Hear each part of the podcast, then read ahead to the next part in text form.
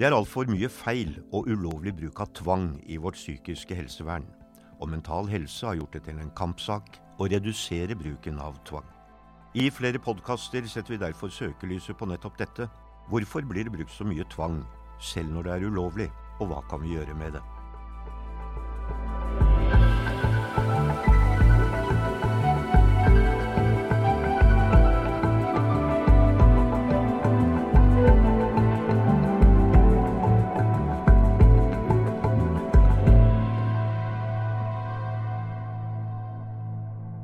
Hei og velkommen til Mental Helses podkast om tvang i psykiatrien. Jeg heter Oddvar Stenstrøm.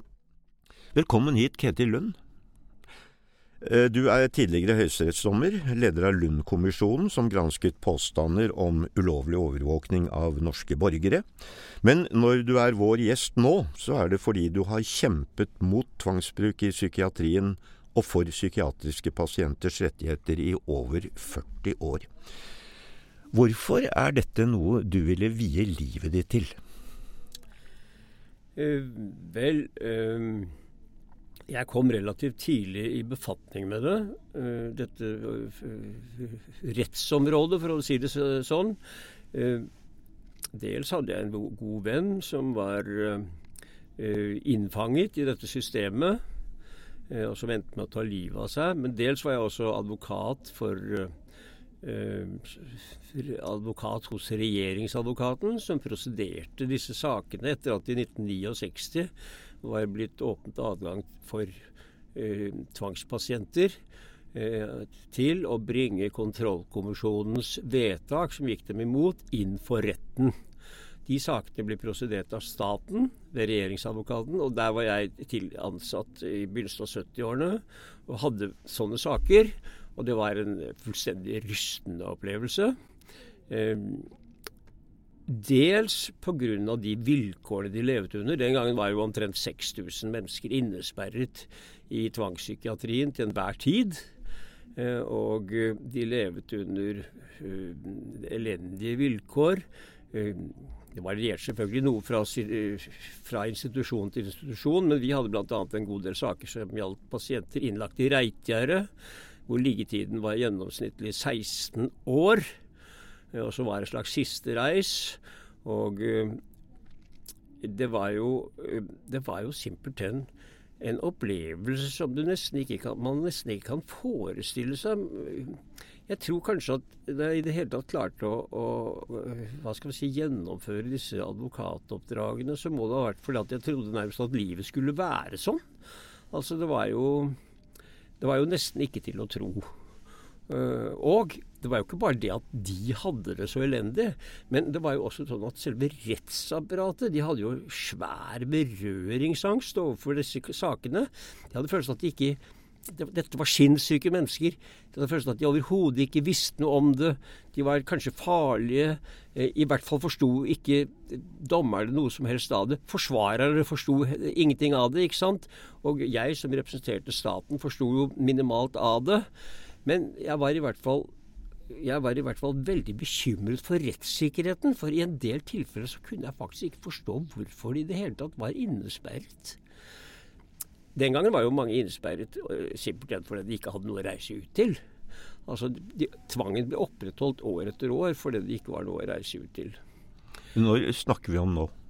Da snakker vi om uh, første halvpart av, av 70-årene. Og, og, og, ja, rundt, rundt, midten av 70-årene.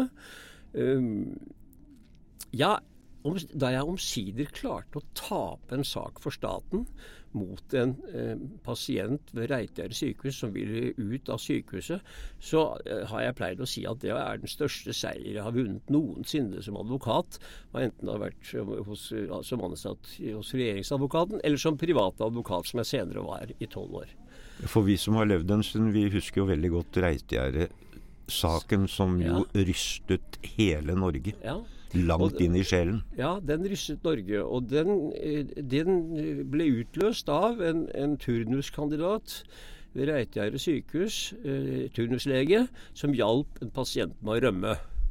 Og eh, det førte til at det ble nedsatt en granskingskommisjon, og den avslørte jo helt hårreisende, helt hårreisende tilstander der. Eh, og slo fast at bare et ytterst lite, få, lite antall av de pasientene som var der, kanskje ikke mer enn et par titalls pasienter av 250 eh, omtrent, de hadde grunn til å være der. Og eh, ja, som følge av denne skandalen så ble det jo Det er faktisk slik jeg har opplevd det, så er den skandalen faktisk det som har vært gjort de mest grunnleggende endringer i tvangspsykiatrien overhodet frem til de helt siste årene. Og eh, det skyldes at det førte til nedbygging av de store institusjonene. Det var en sterk medvirkning til at de store institusjonene ble nedbygget. Og vi fikk, en, vi fikk også f.eks. Eh, ja, vi fikk nye regler. Blant annet hadde det vært fritt frem for å tvangsmedisinere folk. Ikke sant? Så bare som et, eh, en konsekvens av at de var innlagt under tvang, så kunne man altså tvangsmedisinere dem. Eh, og ja, etter overlegens forgodtbefinnende. Og det var jo uendelig ulik praksis i doser og medikamenter og alt. Det var helt vanvidd. Så fikk vi da i 1981, som en konsekvens av dette, en lovbestemmelse um, som sa uh, en lovbestemmelse som dels tillot uh, var en hjemmel for tvangsmedisinering, og dels satte begrensninger, hvorav langt den viktigste grensen var at uh, for å tvangsmedisinere noen måtte kreves stor sannsynlighet for kvalifisert positiv effekt. Altså de, de, forutsatte så å si at man før tvangsmedisinering kunne si med stor sannsynlighet at dette medikamentet i denne dosen ville ha overveiende og kvalifisert positiv effekt. Men det tar du jo ikke hensyn til? Det har da ikke vært tatt hensyn til i det hele tatt i løpet av de årene som har, er gått siden den gang. Fordi altså det man den gangen postulerte, det var altså at, at det var at, at, medikamentene hadde en slik positiv effekt. ikke sant? At man kunne forutsi en, en, dette. Det har jo da eh, Ja, altså for folk i psykiatrien, de må jo ha visst at dette var jo eh, altså de må jo, som var praktiske praktikere, klinikere, som brukte medikamentene, de må jo ha skjønt at det ikke gikk an å si med noen stor sannsynlighet på forhånd hvem som ville profitere. Men det er jo ikke riktig at disse medisinene har den effekten heller? Det er ikke riktig. Men altså det kom en, jeg, jeg satt i en lovkomité som ble nedsatt som konsekvens av Reitgjerdet. Og vi utredet dette her. Den gangen var det ikke noe spesiell oppmerksomhet rundt disse effektene. Altså, jeg eh, dissenterte som den eneste i det lovutvalget som avga innstillingen i 1987, jeg, hvor jeg mente at det var så svære bivirkninger og såpass dårlige egentlig positive effekter, uten at jeg hadde noe egentlig forskning å, å, å støtte meg på, at jeg mente at det ikke kunne forsvares. Men det fikk jeg ikke noe øh, Det fikk jeg altså ikke andre, noen andre med meg på. Og øh, så bare fortsatte den gamle loven fra 1961 med denne korreksjonen som jeg nå nettopp har gjort rede for. Og den fortsatte frem til 1999, da vi fikk någjeldende lov om psykisk helsevern. Der ble det bare forutsatt, postulert, at disse medikamentene hadde overveiende positive effekter. ikke sant? Man skulle altså tro nærmest at siden de het antipsykotika, så måtte de nærmest ha samme effekt som antibiotika, ikke sant. Mm.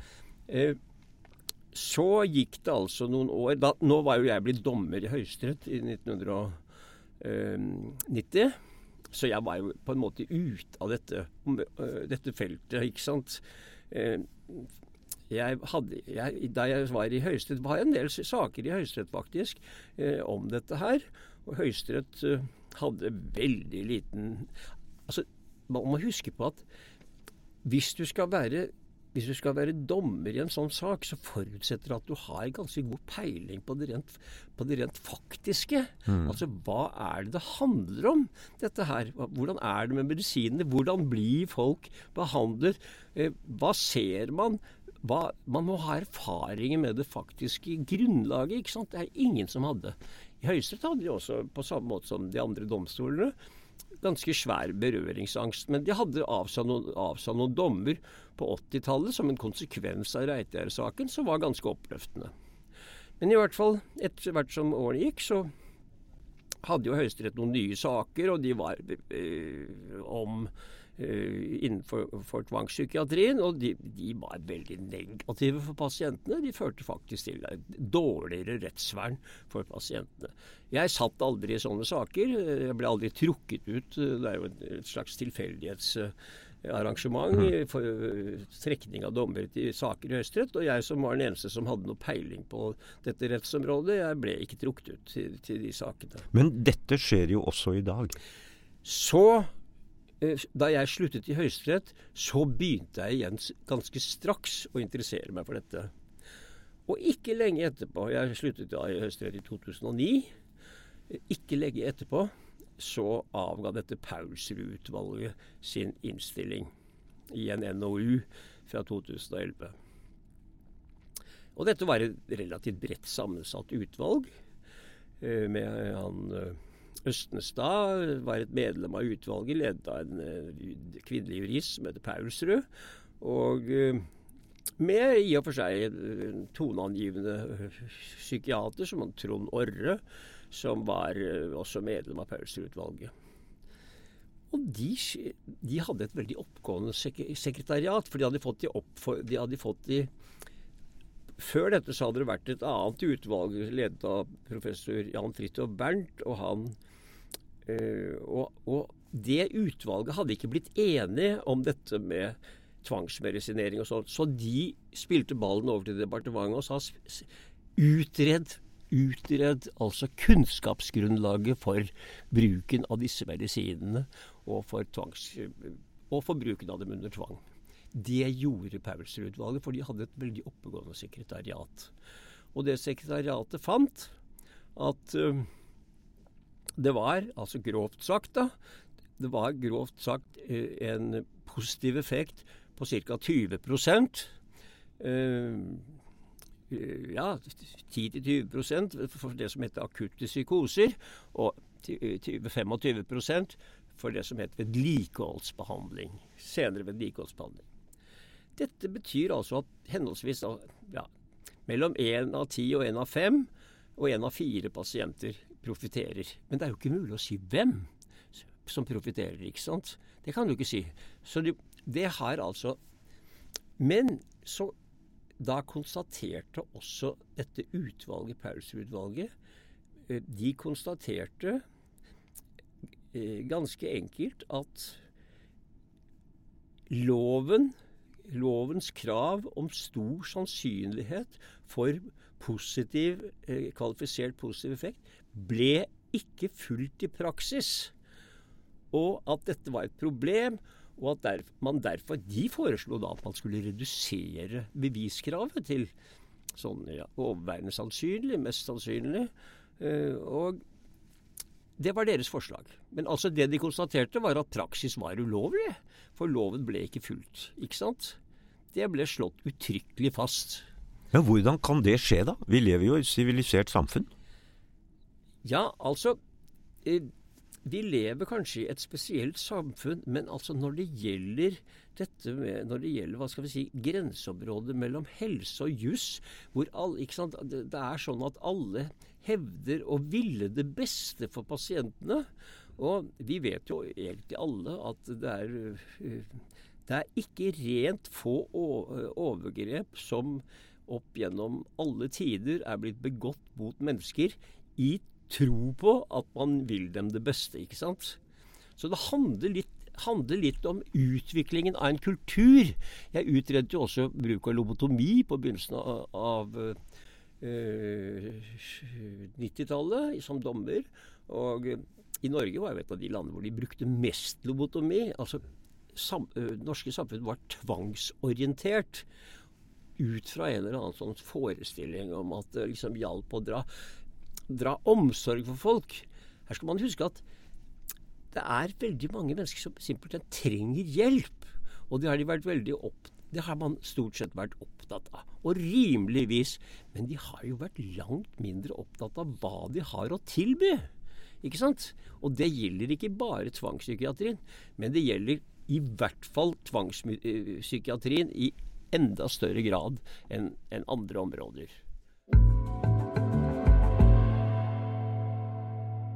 Du hører på Mental Helses podkast om tvang i psykiatrien, og gjesten vår er tidligere høyesterettsdommer Ketil Lund, som i over 40 år har kjempet mot tvangsbruk i psykiatrien og for pasientenes rettigheter.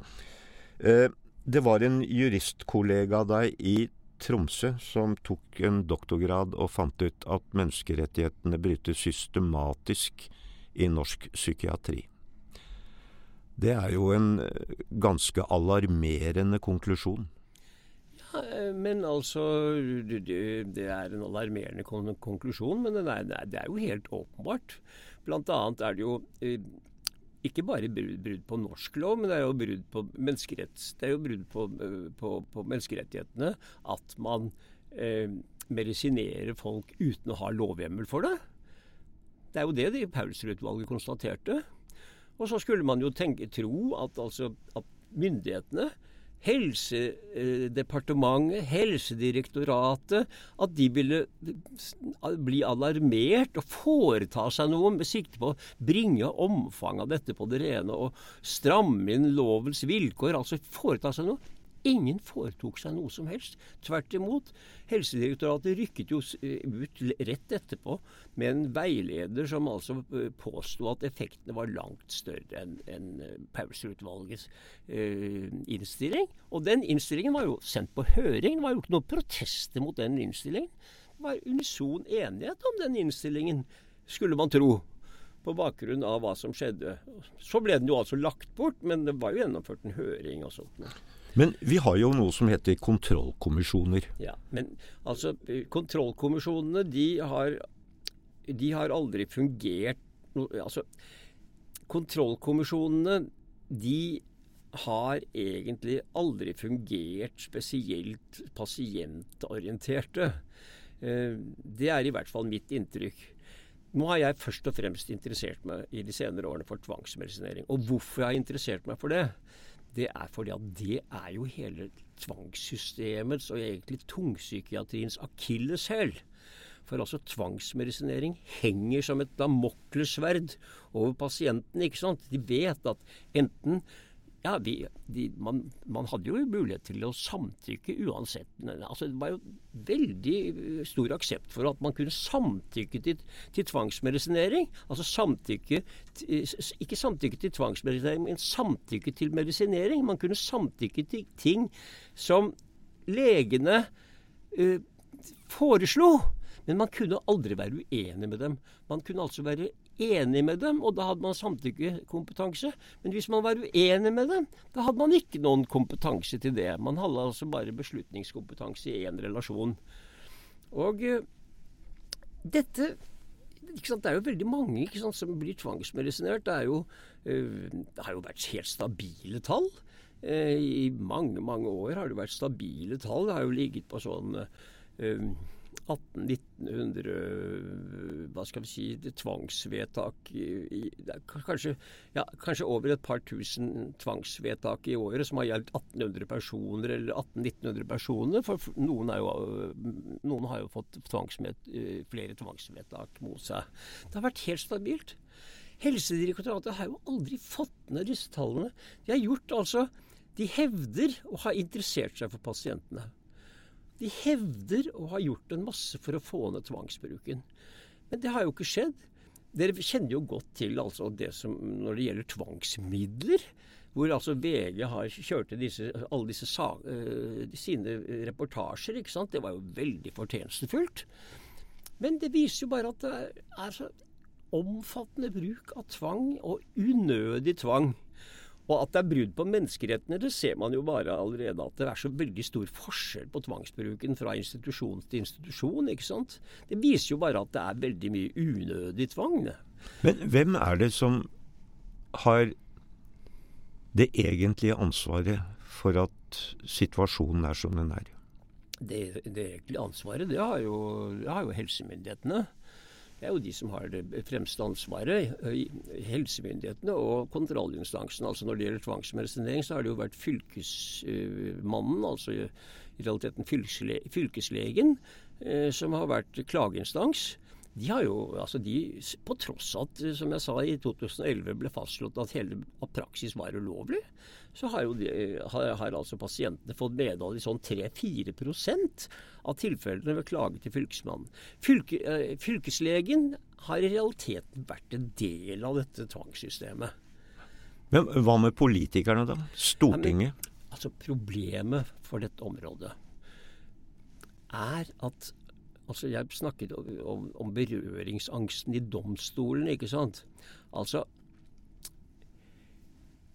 De har veldig få talspersoner, disse eh, pasientene. Veldig få talspersoner. Eh, det innebærer at altså Og publikum, de har ingen forståelse for dette her. ikke sant? Det eneste som slås opp som publikum interesserer seg for, er når det begås en eller annen straffbar, alvorlig straffbar handling av en eller annen som er eh, sinnsforvirret. ikke sant? Det betyr at mediene gjennomgående ikke har interessert seg for det. Og det betyr at politikerne ikke har interessert seg for det. Alle har en eller annen form for berøringsangst overfor dette, uh, overfor dette uh, området. Og det her er selvfølgelig helt uh, avgjørende. Altså De som klarer å vinne frem, de har, de har altså mektige sånne personer til å hjelpe seg med å aksjonere politisk og sånn. ikke sant? Og vinne gehør. Så lenge man ikke har det, så har det vært veldig vanskelig. Men hva kan vi gjøre da? For å få ja, med denne altså, bruken? Nå har det jo Altså, det er jo det er jo egentlig helt fantastisk, altså det, som, det som har foregått. Altså, jeg sa at eh, f.eks. han Østenstad, eh, han har jo sittet som, som er en fremstående jurist. Og eh, leder av tvangslovutvalget. Han har jo sittet som leder i kontrollkommisjonen også, ikke sant. Altså, han har jo vært i og for seg involvert en del av dette systemet. Han har ikke foretatt seg noe etter 2011. Eh, for å simpelthen kaste noe mer søkelys på dette spørsmålet som gjelder tvangsmedisinering, som er så viktig. ikke sant? Fordi Det er jo så viktig, for det er disse medisinene som jo egentlig er behandlingen i tungpsykiatrien. Altså, jeg vet ikke om dere, dere husker jo de rasende utspillene som kom mot helseminister Bent Høie da han foreslo at, man skulle, eh, at man, de skulle opprette medisinfrie Eh, behandlingstilbud eh, i helseforetakene. Sånn at han måtte til slutt pålegge dem det. Men det var jo veldig vanskelig. Det var masse motstand. Fordi at de sier at medisiner er det eneste som hjelper. Liksom. Så kan, kan, vi bruke andre ting i tillegg og sånn. Men, men, har du tro på at uh, dette tvangslovutvalget vil resultere i mindre bruk av tvang når det har vært gjennom hele den store kverna det skal igjennom? Altså Det som er interessant, er at det som virkelig har betydd noe i løpet av den senere tid, er at Sivilombudsmannen kom på banen og avga to uttalelser. En i desember i 2018 og en i januar 2019.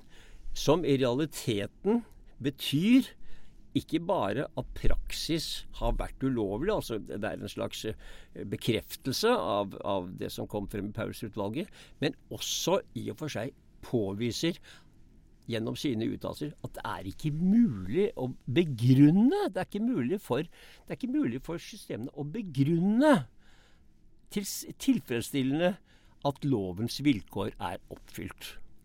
Det førte da til at Helsedirektoratet straks begynte å, aksjonere ved å sende ut forskjellige eh, meldinger eh, hit og dit eh, til helseforetak og fylkesmenn osv., hvor de kom med en de kom med tolkinger av, eh, av Sivilombudsmannens uttalelse, pluss egne, eh, egne egen utlegging av hva som var effektene av disse medisinene.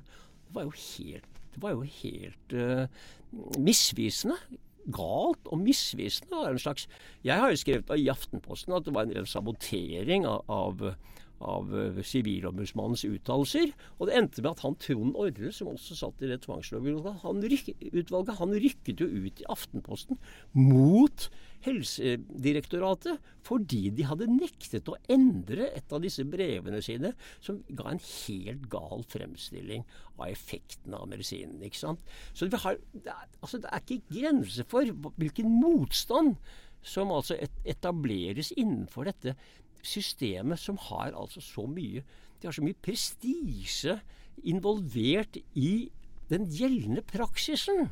At det har jo vært at de, simpelthen eh, ja, de simpelthen gjør motstand mot, uh, mot altså endringer. Men etter å ha jobbet med dette i så mange år, eh, Ketil Lund, eh, er du optimistisk når det gjelder muligheten for å gjøre noe skikkelig med tvangsmedisinering i årene som kommer? Ja. Eh, det er jo interessant at nå kommer jo altså da med dette tvangslovutvalget. De kom med sin innstilling. Og der fremgår det jo at eh, effektene de er ikke bare like lave som i, i Paulsutvalget, men til, eh, til dels enda lavere. Da skulle man i og for seg tro at uh, de ville ha så å si sagt at vi kan ikke fortsette tvangsmedisineringspraksis, den må avvikles. Og de gir også uttrykk for stor forståelse for dem som hevder at vi må ha et forbud mot tvangsmedisinering. De forstår det veldig godt, men de sier det fører til at man må endre praksis. Det, for, for stor, det fører til for stor omlegging av gjeldende praksis hvis vi skal gjennomføre dette. Og dessuten, sier de, så er det enkelte pasienter som har, eh, har nytte av det. Og da ville man forskusle deres mulighet for hjelp hvis man fortsatte med praksis. Men de sier altså ingenting om alle de andre som ikke har hjelp, og dessuten får altså svære, ofte får svære negative bivirkninger, ikke sant. Så skjer da det at ombudsmannen kom med disse uttalelsene i fjor. Da er jo, da er jo tvangslovutvalget nesten ferdig. Da endrer de innstillingen sin de, in, de endrer fore, et, foreløpig, øh, ut, et foreløpig utkast, da, kan vi si, til, til bestemmelser om tvangsmedisinering. Og det blir endret på den måten at de innfører et krav om at det bare skal være mest sannsynlig for å drive øh, førstegangsbehandling, altså akuttbehandling, da kan vi si. Ikke sant? Det er helt uforståelig på bakgrunn av at de Altså at, at effektene, ifølge dem selv, er så lave. De er jo langt under 50% Det fremgår jo av denne uttalelsen. Men hvordan kan de da hvordan kan de da komme med et forslag om at man altså skal kunne tvangsmedisineres eh, første gang, hvis det er snakk om en førstegangsmedisinering, at man da skal kunne tvangsmedisineres hvis det er mer enn 50% sannsynlighet. Når sannsynligheten i utgangspunktet er langt lavere enn 50 da, altså, da, legger de opp til at, at, man tar feil i over 50% av tilfellene. ikke sant? Med den konsekvens det innebærer for, for pasientene som har, altså, opplever bivirkninger og sånt. Det er mange ting ved den, ved den øh, innstillingen i denne NOU-en som kom nå i, i juni, som, eh, som, er veldig problematisk når det gjelder dette med, med tvangsmedisinering. Annet er det jo helt opplagt slik at uh, det mest rasjonelle standpunkt hele tiden Altså hva enten det er snakk om beslutningsdyktighet, eller det er snakk om såkalt antall samtykke, som er i og for seg et godt forslag eh, de kom med, om at eh, for at man skal kunne mm, bruke tvang, så må vedkommende ha Hvis så må vedkommende eh, må, må ville ha antatt og ha samtykket hvis vedkommende hadde vært samtykkekompetent. Det er jo et, et, i utgangspunktet bra. Men de sier jo ingenting om at det rasjonelle standpunktet det er jo å nekte. For det er jo stor sannsynlighet for når det gjelder medisinering, for det er jo stor sannsynlighet for bivirkninger. Og liten, og liten sannsynlighet for positive effekter, ikke sant. Så gjenstår det jo da å se hva som blir resultatet av ja, dette utvalgets det, arbeid. Ja, det gjenstår å se. Men, men, se. Eh, hvor... Vi skal avgi høringsuttalelser, ikke sant? så vi får se hva som skjer. Men, men, det er veldig mange problematiske sider ved det. Men, men hvordan har det vært å jobbe med dette spørsmålet i så mange år? Eh, ja, jeg må si at uh, Jeg må si at jeg har egentlig uh, Jeg syns at jeg har Jeg syns jeg har hatt mye igjen for det. Det er jo veldig mange mennesker jeg har truffet som ikke sant, Du får jo veldig mye positiv positiv erfaringer med, med, disse menneskene. Og eh, det er jo selvfølgelig positivt å, å, å, forsøke å hjelpe mennesker som har vært utsatt for så mye, som, er, som etter min mening er så ille. Og så er det frustrerende at, eh, at det aldri har skjedd noe, ikke sant. Før nå nylig, da. Så får vi se hva som skjer nå. Eh, men, men dette, er, dette, er, svære systemer, og svære, tungt bevegelige. Og, og, en, endre, og, disse systemene har vært endringsresistente, ikke sant. De har vært eh, faktumresistente, og som følge av det helt endringsresistente. Uansett hva liksom, alle disse tiltakene som har vært iverksatt over årene med sikte på å bringe tvangen ned og sånn, de har jo vært helt uh, forgjeves, ikke sant. Takk skal du ha. Du har hørt tidligere høyesterettsdommer Ketil Lund, som i en menneskealder har kjempet mot tvangsbruk i psykiatrien og for pasientenes rettigheter. Hvis noen av dere som har hørt på oss har behov for å snakke med noen, så kan dere ringe Mental Helses hjelpetelefon. Den er åpen døgn rundt 365 dager i året, og nummeret til hjelpetelefonen er 116 123. 116 123. Hvis du syns det er vanskelig å snakke på telefonen, så kan du gå inn på nettet på sidemedord.no. Sidemedord.no. Da kan du chatte med veiledere og alle som skriver utenom åpningstidene, får svar innen 48 timer. Jeg heter Oddvar Stenstrøm og vil helt til slutt si takk til stiftelsen DAM, som har gjort det økonomisk mulig for Mental Helse å produsere podkasten om tvang i psykiatrien. Takk for nå. Denne podkasten er produsert av Sesong 1 for Mental Helse. Musikken er lagd av Martin Horntvedt, og tekniker er Markus Moe Hansen.